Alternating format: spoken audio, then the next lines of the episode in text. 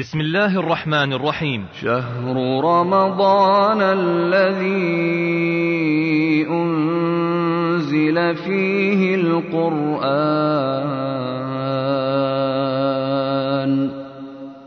هدى للناس وبينات من الهدى والفرقان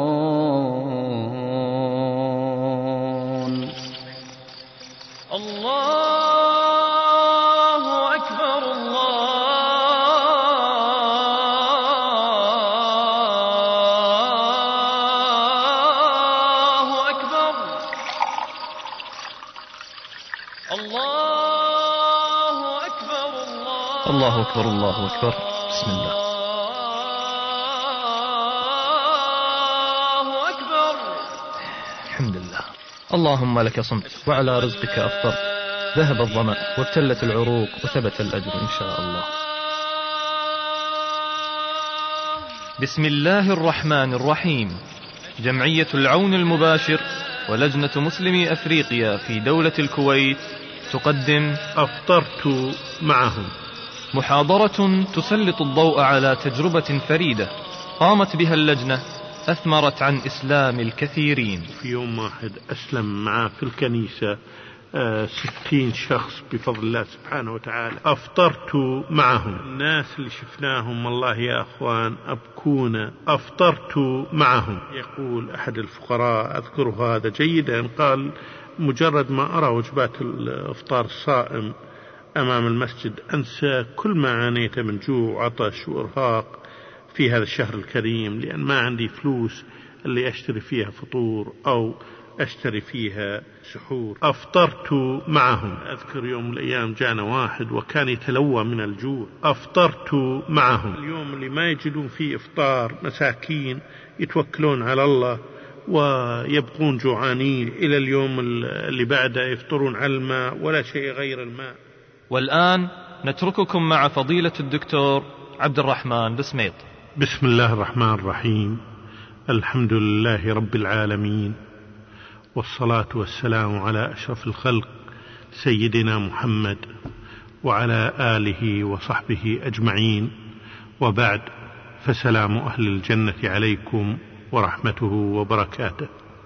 حديثنا اليوم عن النشاطات الإسلامية في رمضان وأخص بالذكر عملية إفطار الصائم حيث نقدم سنويا ما يعادل من ثلاث أرباع مليون وجبة جاهزة للأكل في المساجد والقرى والنجوع في مختلف الدول الإفريقية.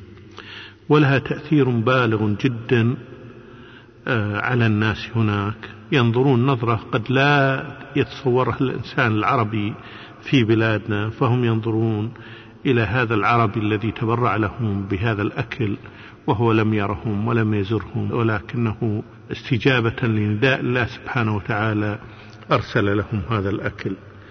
في إحدى القرى في تشاد استغرب الأهالي الوثنيين تأثروا كثير من تواصل العرب بإخوانهم المسلمين في إرسال الإفطارات وازداد تأثرهم لما رأوا من العرب من يحضر ليطعمهم ويحادثهم ويفطر معهم آه لا لشيء إلا بدافع العقيدة وعلى أثر ذلك يدخل في دين الله مجموعة من الوثنيين تأثر بهذا الموقف.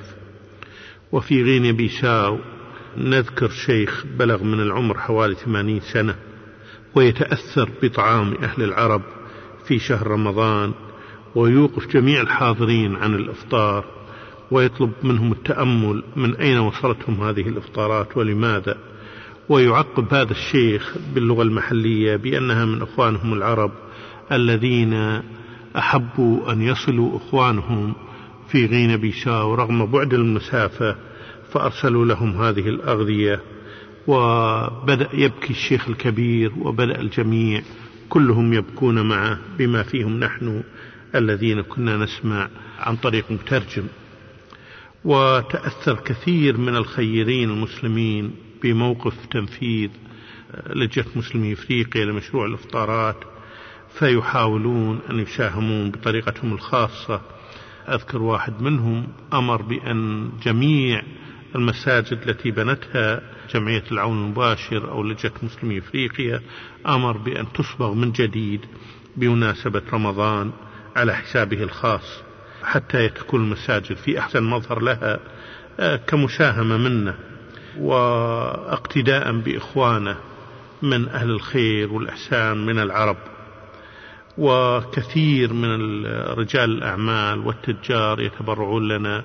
هذا يتبرع ب 500 دولار وهذا يتبرع ب 20 دولار وهذا يتبرع بخمس دولارات وهذا يتبرع بحمولة آه، شاحنة كاملة من الطعام. لطبخها وتوزيعها المحتاجين في رمضان. بل أن تعدى ذلك إلى أن في أوغندا أذكر قسيس جاء كان محتج ويندد آه، بالدروس الدعوية اللي نحاول أن نبلغ فيها الإسلام. آه، كان يلقي أحد دعاتنا قبل الإفطار في داخل المسجد. وطبعا هو ما له حق لأن إحنا داخل المسجد وحتى لو برا ما هم قاعدين يعملون دروس برا المسجد ولكن رغم هذا ما حاولنا أن نواجهه وإنما دخلنا معه في نقاش كله حكمة. وبالأخير ما شفنا ولا القسيس اقتنع في آخر الأمر وأعلن أن الإسلام هو الطريق للنجاة وأعلن عن فوره بالإسلام ورجع الكنيسة وجمع الناس وأخبرهم بما توصل إليه. من قناعة عن الإسلام وقذف الله سبحانه وتعالى في قلوب الناس النور. وفي يوم واحد أسلم معاه في الكنيسة آه، ستين شخص بفضل الله سبحانه وتعالى. في بوركينا فاسو الداعية سباكو جالو. في قرية كامبالومبا شارك زعيم كنسي بروتستانتي في ولائم الإفطار. وكان يحاول أن يخدم ويقول فخر لي أني أساعد أنا في توزيع الأكل وحنا رحبنا فيه بالحقيقة من باب الدعوة بالحكمة والموعظة الحسنة وبعد حوار طويل بينه وبين الداعية ليلة 27 من رمضان عرف هذا الزعيم الكنسي البروتستانتي أن هذه الليلة مباركة وشرحنا له عنها ففوجئنا به يقف في وسط الحاضرين داخل المسجد دخل المسجد أصر إلا أن يدخل.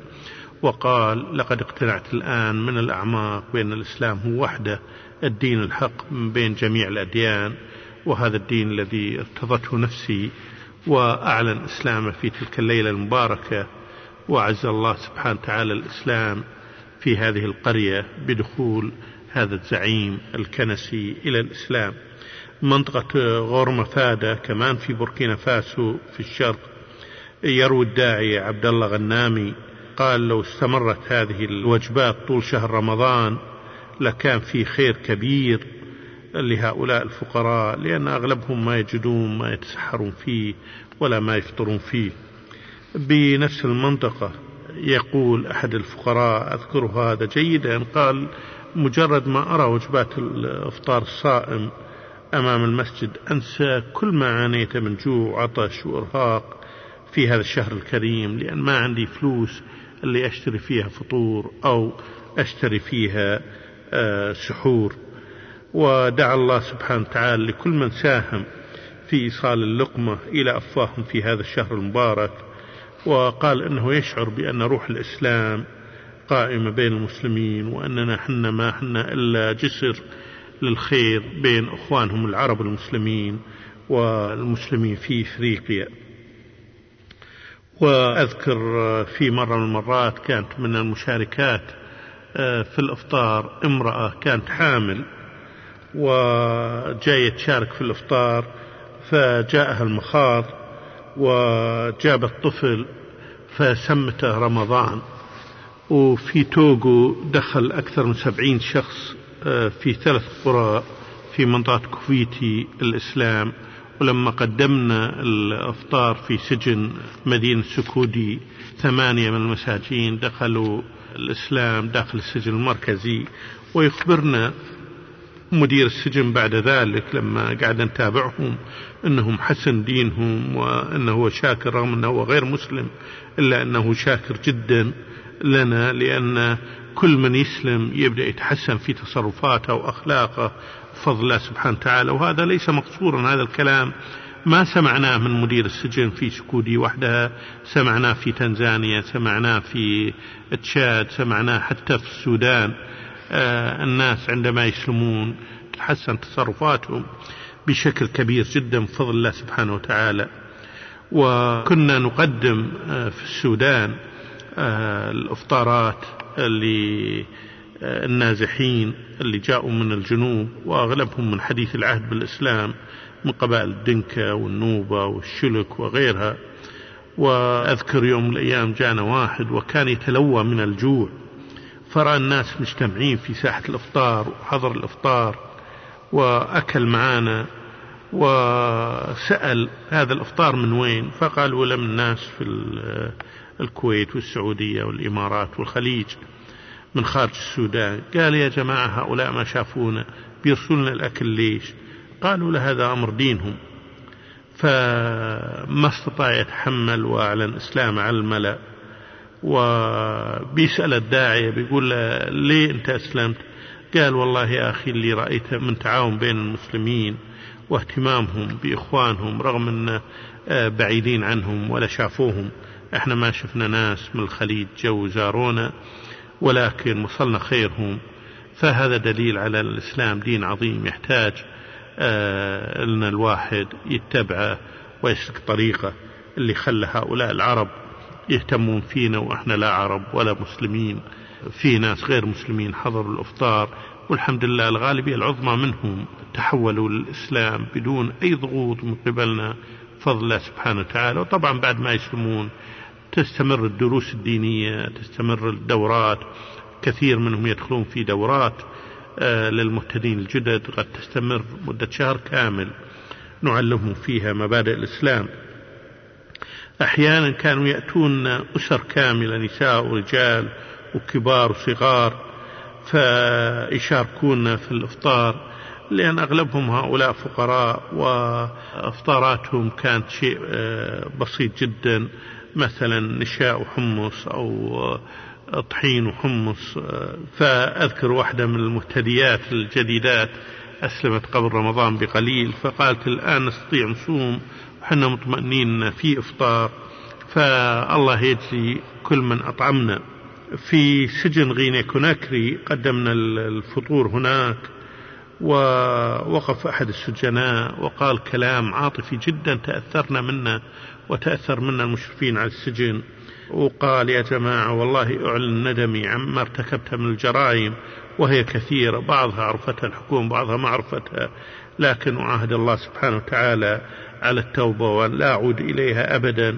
وإذا خرجت من السجن فنويت أن أصوم عشر أيام وأن أكون حمامة مسجد.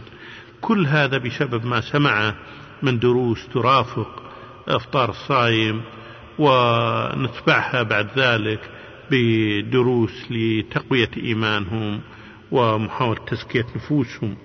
وكان تقديم الإفطار في السجن سبب في عودة بعض الشباب اللي تأثروا بالأديان الأخرى واتبعوا الأديان الأخرى. والحمد لله عاد هؤلاء الشباب إلى الإسلام وحسن إسلامهم. وزرناهم بعدين رأيناهم محافظين على الصلوات الخمس وشكرنا مدير السجن هناك. وفي مركز المعاقين في كالوم حاول المعاقين أن يساهمون في آه، تحضير وجبات الإفطار. وكان من الأشياء التي دمعت لها عيننا أن نرى أحد المعاقين مبتورة إيده من الساعد ورغم هذا كان يعلق كيس من البصل على كتفه ويحمل كيس آخر بيده لأنه يريد الأجر. فلما سألناه قلنا لا أنت معاق وما تقدر. وإذا يعني بتأذي نفسك كثير فعلى الأقل أخذ معك كيس واحد. قال لا آه لماذا العرب يطلبون هذا الأجر؟ أنا ما أستطيع أنافسهم في قضية تقديم أكل بس على الأقل أستطيع أن أنافسهم أو أساعدهم في توفير وخدمة إخواني الآخرين. وفي أوغندا كانت في حرب على الإسلام وأن إرهاب وغيره لكن الحمد لله عندما نفذنا إفطار الصائم كان هو أكبر رد على كل ما أثير ضد المنظمات الإسلامية وأثبتنا للجميع المسلمين يتعاونون ويساعد بعضهم بعض آه، وإن الحدود الجغرافية لا تعني شيء آه، بالنسبة للتلاقي والنصرة. خاصة أن يشاهدون مندوبين من العرب يجلسون معهم يأكلون معهم من نفس الطبق. فكانت هذه نقلة نوعية مما علق في الأذهان والنفوس وكثير من وسائل الإعلام كتبت عن إفطار الصائم الذي نقيم في المئات من المساجد هناك.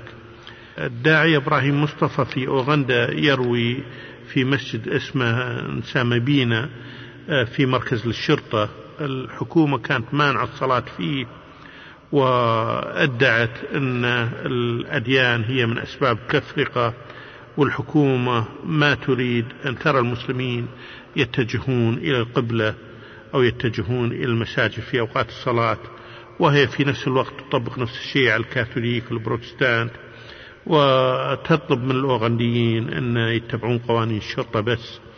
وحولوا كل المساجد والكنائس والمعابد في مراكز الجيش والشرطة إلى مساكن ويعتبرون اللي يصلون من المسلمين متمردين ويقولون طيع قوانين الجيش والشرطة هي طاعة الله والعياذ بالله. ولكن في رمضان رأيناها في أكثر من معسكر من المعسكرات. أعيد فتح هذه المساجد وقدمنا فيها أفطار صايم وكانت نصر للمسلمين فرحوا به كثير في هذه المعسكرات بفضل الله سبحانه وتعالى وبموافقة قادتهم الذين فرحوا أن العرب يتذكرون إخوانهم في هذه الأماكن النائية ويقدمون لهم الطعام. في بنين في غرب إفريقيا يكلمنا الداعية الممتاز ماجد درمان علي.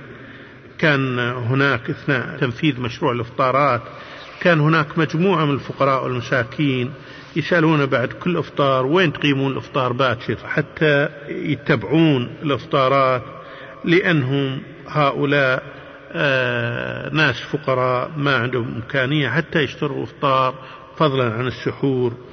واليوم اللي ما يجدون فيه أفطار مساكين يتوكلون على الله ويبقون جوعانين.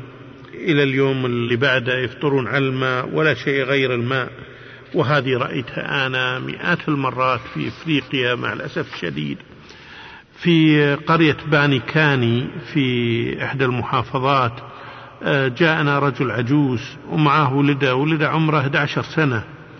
وقال الحضور في المسجد أنا جئت بابني هذا ليدخل الإسلام وأنا نصحته بأن ينطق الشهادتين وقال له أمامنا أنا أنصحك بأن تتمسك بهذا الدين لأن دين الحق.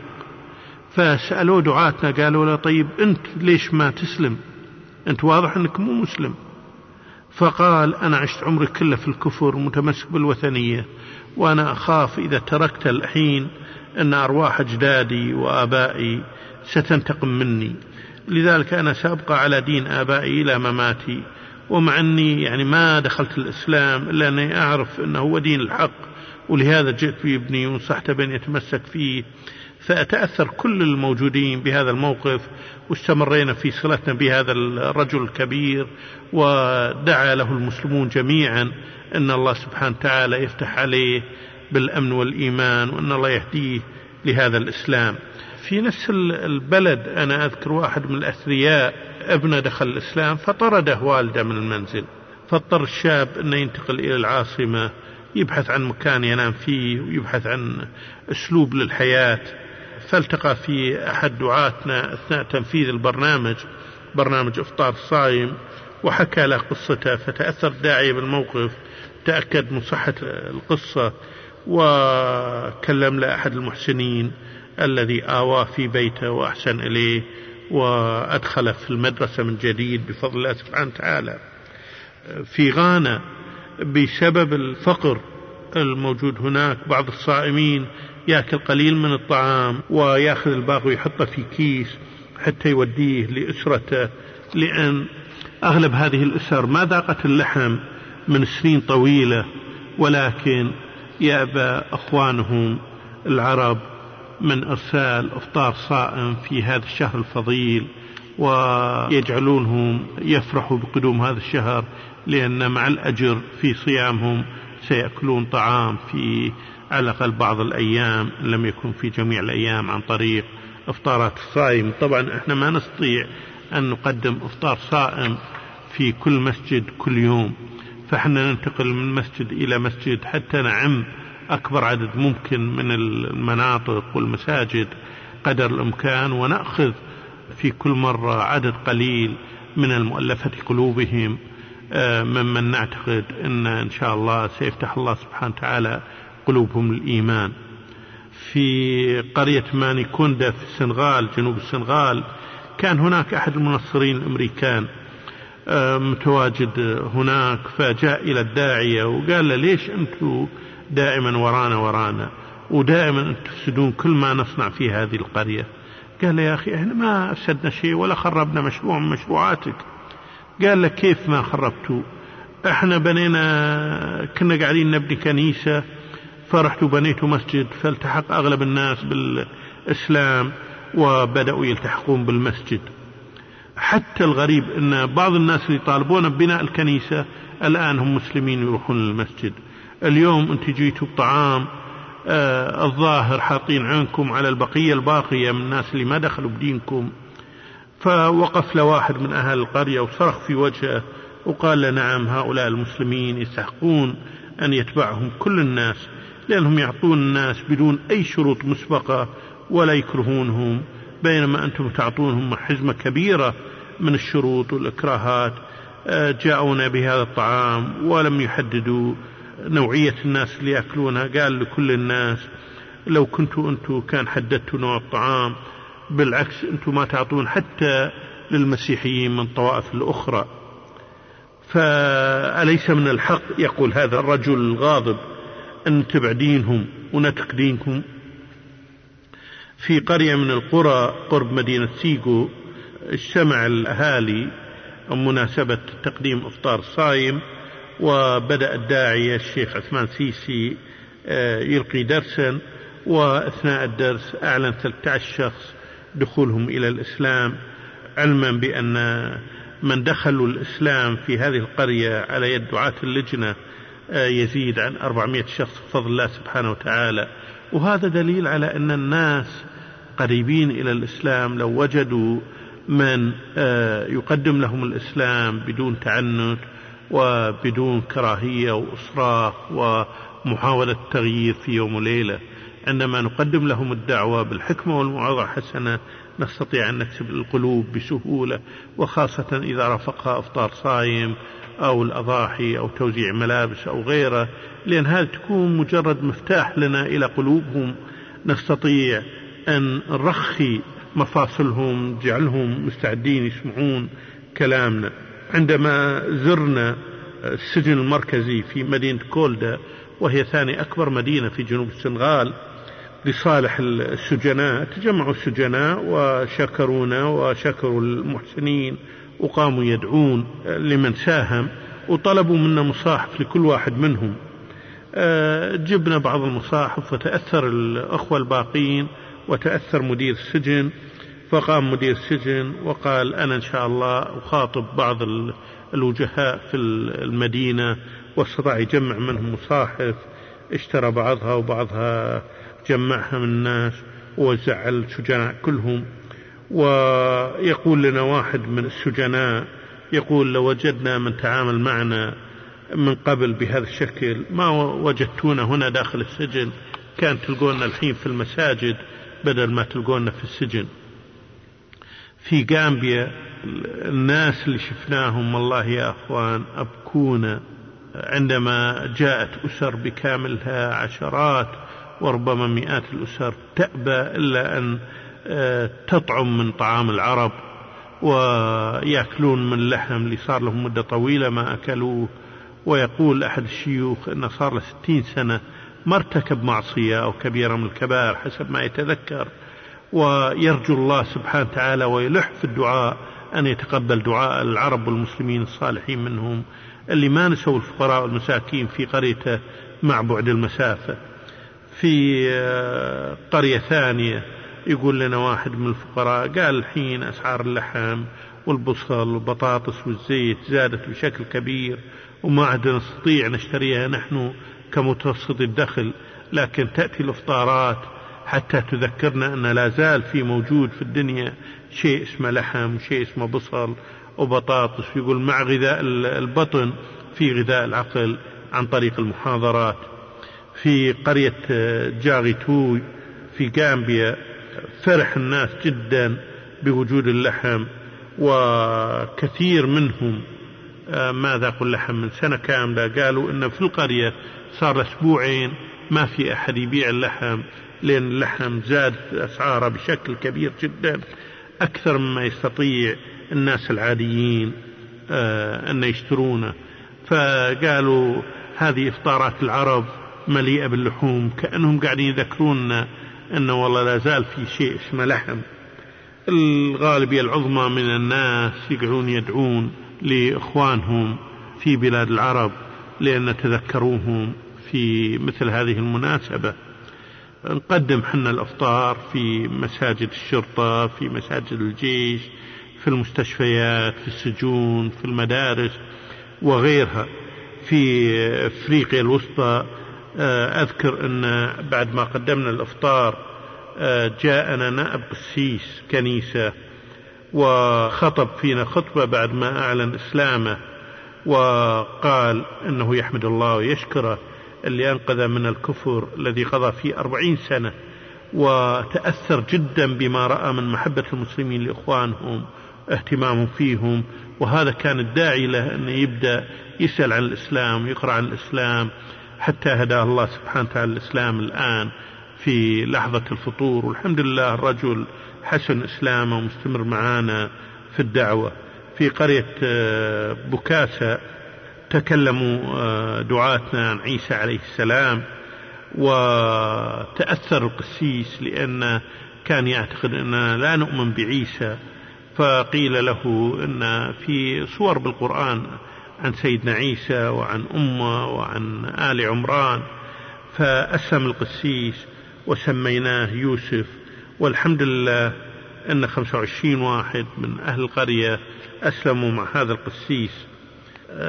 أذكر يوم من الأيام في قرية من القرى في إفريقيا الوسطى واحد مسكين كان ميت جوع من المسلمين وقاعد جنب المسجد وما كان متوقع شيء وفجأة السيارة وقفت جنبه وبدأوا ينزلون الأكل فلما سأل قالوا له هذا من طعام العرب فطار فرحة وقال شوفوا يعني من محبة الله سبحانه وتعالى العرب ولنا أن الله سبحانه وتعالى يسر لهم أن وصلوا لنا وحنا كنا بأمس الحاجة.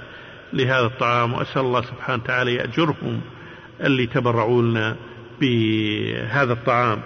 والحقيقة يا أخوان إحنا نقول للناس إن الوجبة تكلف آه، نص دينار كويتي أو خمس ريالات سعودية أو خمس دراهم إماراتية. ولكن إحنا نقدم فيها وجبتين أو هكذا نأمر مكاتبنا. مكاتبنا عليهم ضغوط كثيرة جدا. فعندما تصل يصل الأمر القرية يكون تحول إلى أربع وجبات. وعندما يقدم الطعام بدل ما يقدم لأربعة يقدم لستة أو سبعة لأن الناس اللي يجون أكثر بكثير من الناس اللي نسجلهم قبل هذا. في كينيا طلاب المدرسة الثانوية الحكومية في تراسا في منطقة القريامة قبيلة القريامة وهي قبيلة إن شاء الله نسأل الله سبحانه وتعالى أن يفتح على قلبها بالإسلام. أغلبهم مسيحيين والمدرسين طبعا كلهم مسيحيين. فظروف الطلبة المسلمين في الثانوية صعبة جدا والمدرسة تقول لهم ما عندنا إلا غدا يعجبكم تغدوا ما يعجبكم جوعوا ما في عندنا. فعندما نقدم لهم آه، الإفطار في مركز الجمعية ويأتي الطلبه المسلمين واحيانا يجيبون معهم واحد ولا اثنين من غير المسلمين فيتأثرون آه، هؤلاء الطلبة من غير المسلمين وغالب الأحيان تجدهم يتحولون إلى الإسلام بفضل هذا التواصل الذي يرونه بفضل الدروس التي يسمعونها عن الإسلام ونوصي الطلبة المسلمين خيرا بإخوانهم من المهتدين الجدد. في كل سنة مئات من طلبة المدارس يسلمون وأذكر في منطقة أرشر بوست منطقة لقبائل السنبورو وهي قبائل وثنية بدائية. كان فيها قسيس ورئيس كنيسة البنتكوست وهي طائفة الغالبية العظمى منهم مع الأسف الشديد قيادة هي في الولايات المتحدة. الغالبية العظمى من كبار قسس فيها ماخذين مواقف سيئة جدا من الإسلام ومن نبي الإسلام سيدنا محمد صلى الله عليه وسلم. فهذا القسيس فوجئنا بابنه الأكبر يسلم وخلال رمضان تأثر والده وأسرته جميعا بإسلامه آه، لأن بدأت تغير أخلاقه وبدأ يتحسن. الحمد لله تأثر فيه عشرة من الشباب وستة من البنات كلهم أسلموا. وهذا نصر كبير لدين الله سبحانه وتعالى في مثل هذه القبيلة التي ترى في نفسها أنها هي دينها الأصح. وخاصة لشخص أبوه هو قائد الكنيسة. والشيء الثاني نحن فوجئنا بهؤلاء الشباب والشابات بفضل الله سبحانه وتعالى يتأثرون ويتحمسون لنشر الإسلام في المنطقة اللي زرتها عدة مرات تأثرت بما رأيت هناك. والحمد لله جزا الله خيرا كل من ساهم في نشر الإسلام هناك عن طريق أفطار الصائم أو توزيع الكتب أو غير ذلك. وفي منطقة غرب كينيا آه، قدمنا افطار صائم لحوالي 1500 شخص. طبعا مو كل يوم وإنما آه، حسب ما توفر لنا إحنا الكل نقدمه هو ثلاث أرباع المليون وجبة على أربعين دولة في إفريقيا وكل دولة فيها مئات وربما آلاف القرى. والمساجد فما نستطيع أن نقدم كل يوم ولكن كما سبق وذكرت ننتقل من مكان إلى مكان وهؤلاء من قبائل اللويا والكلنجين والتركانا والبوكوت وغيرها. ويوم من الأيام قسيس الكنيسة في آه، منطقة كتالي يأتي ويعلن إسلامه. وقلنا ليش اخترت الإسلام؟ فقال رأى حلاوة الإسلام. وذاقها بعد ما أسلم وما كان يوم الأيام مقتنع في حياته مثل ما اقتنع بهذا الدين بعد أن أسلم. آه، تبرأ أهل القسيس منا وأبعدوه قالوا إنه مجنون وقالوا أن المسلمين يسحروه آه، حتى يصير مثلهم.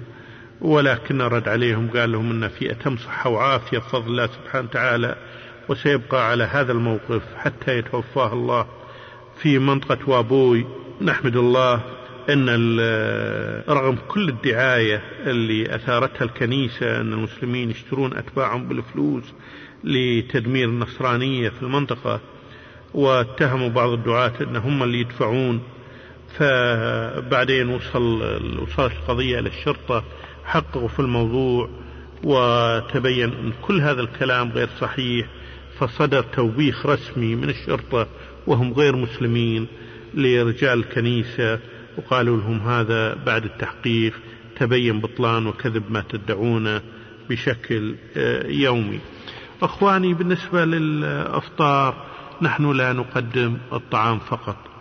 تذكروا أننا نستغل رمضان ونقوم ببرنامج كبير جدا آه، نستفز فيه كل طاقات الدعاة العاملين. عندنا 3200 آه، داعية في إفريقيا يشاركون في هذه البرامج. ونفتتح المساجد والآبار نوزع ملابس نوزع كتب إسلامية وهذه مهمة جدا بعد ترجمتها إلى اللغات المحلية. نوزع مصاحف ونقيم قوافل دعوية نبلغ الدعوة الإسلامية إلى كثير من الناس.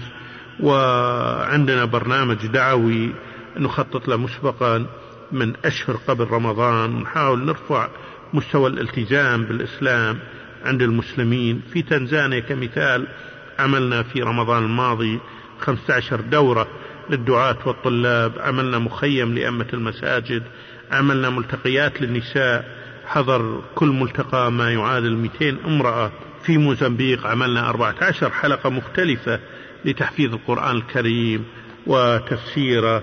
في غينيا أكثر من 400 درس مسجدي عملنا وعملنا عدة ندوات وزعنا آلاف من الكتب الإسلامية والمصاحف في بوركينا فاسو.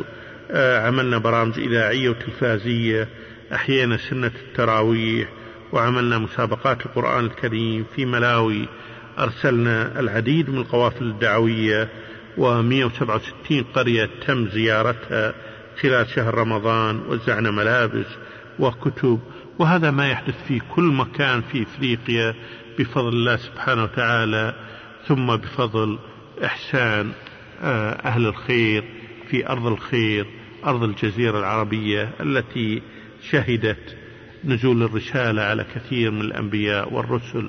وحنا متأكدين تماما إن شاء الله أن المستقبل الإسلام بإذن الله في إفريقيا بفضل الله سبحانه وتعالى. ثم بفضل دعائكم فلا تنسوا إخوانكم من هذا الدعاء ولا تنسوهم من دعم الدعوة هناك. حتى تصل الدعوة إلى كل إنسان ثم الخيار له في أن يتبع آه، طريق الإسلام أو يبقى على طريقة اللي هو عايش فيه قبل الإسلام. هذا الخيار له حنا ما علينا إلا البلاغ والهداية هي من الله سبحانه وتعالى. وطريقتنا في الدعوة أن لا نجبر إنسان وأن نكون حكماء في التعامل مع أعداء الإسلام. والآخرين اللي ربما يكون عندهم كثير من المفاهيم الخاطئة عن الإسلام. وقد كسبنا كثير عدد كبير جدا من القسس. بعض الناس يقولون لنا طيب أنا ما أستطيع أدفع كل سنة أفطار الصائم فنقول له يا أخي ادفع 300 دينار أو 3600 ريال سعودي. وهذا نستخدمه كوقف لإفطار الصائم نستثمره والريع نقوم بالإنفاق منه على أفطار الصائم الحقيقة حنا قاعدين نطلع أكثر بكثير من الإفطارات بفضل الله سبحانه وتعالى من ريع الوقت بفضل من الله سبحانه وتعالى. وقاعد الناس يدخلون في الإسلام سنويا مئات الألوف من الناس يسلمون في رمضان بسبب تقديم إفطار الصائم وأنا أقول إحنا ما نشتريهم بالأكل ابدا ولا نحاول أن نساومهم على الأكل ولكن تقديم إفطار الصيام في قرى هناك هو المفتاح الذي يفتح قلبهم. ثم بعد هذا آه، لا نجبرهم ولا نضغط عليهم ولا نقول لهم لو أسلمتوا إحنا راح نساعدكم إذا ما اسلمتوا ما نساعدكم. ابدا ما نستخدم هذه الوسائل ونعتبرها وسائل لا يرضى عنها الإسلام.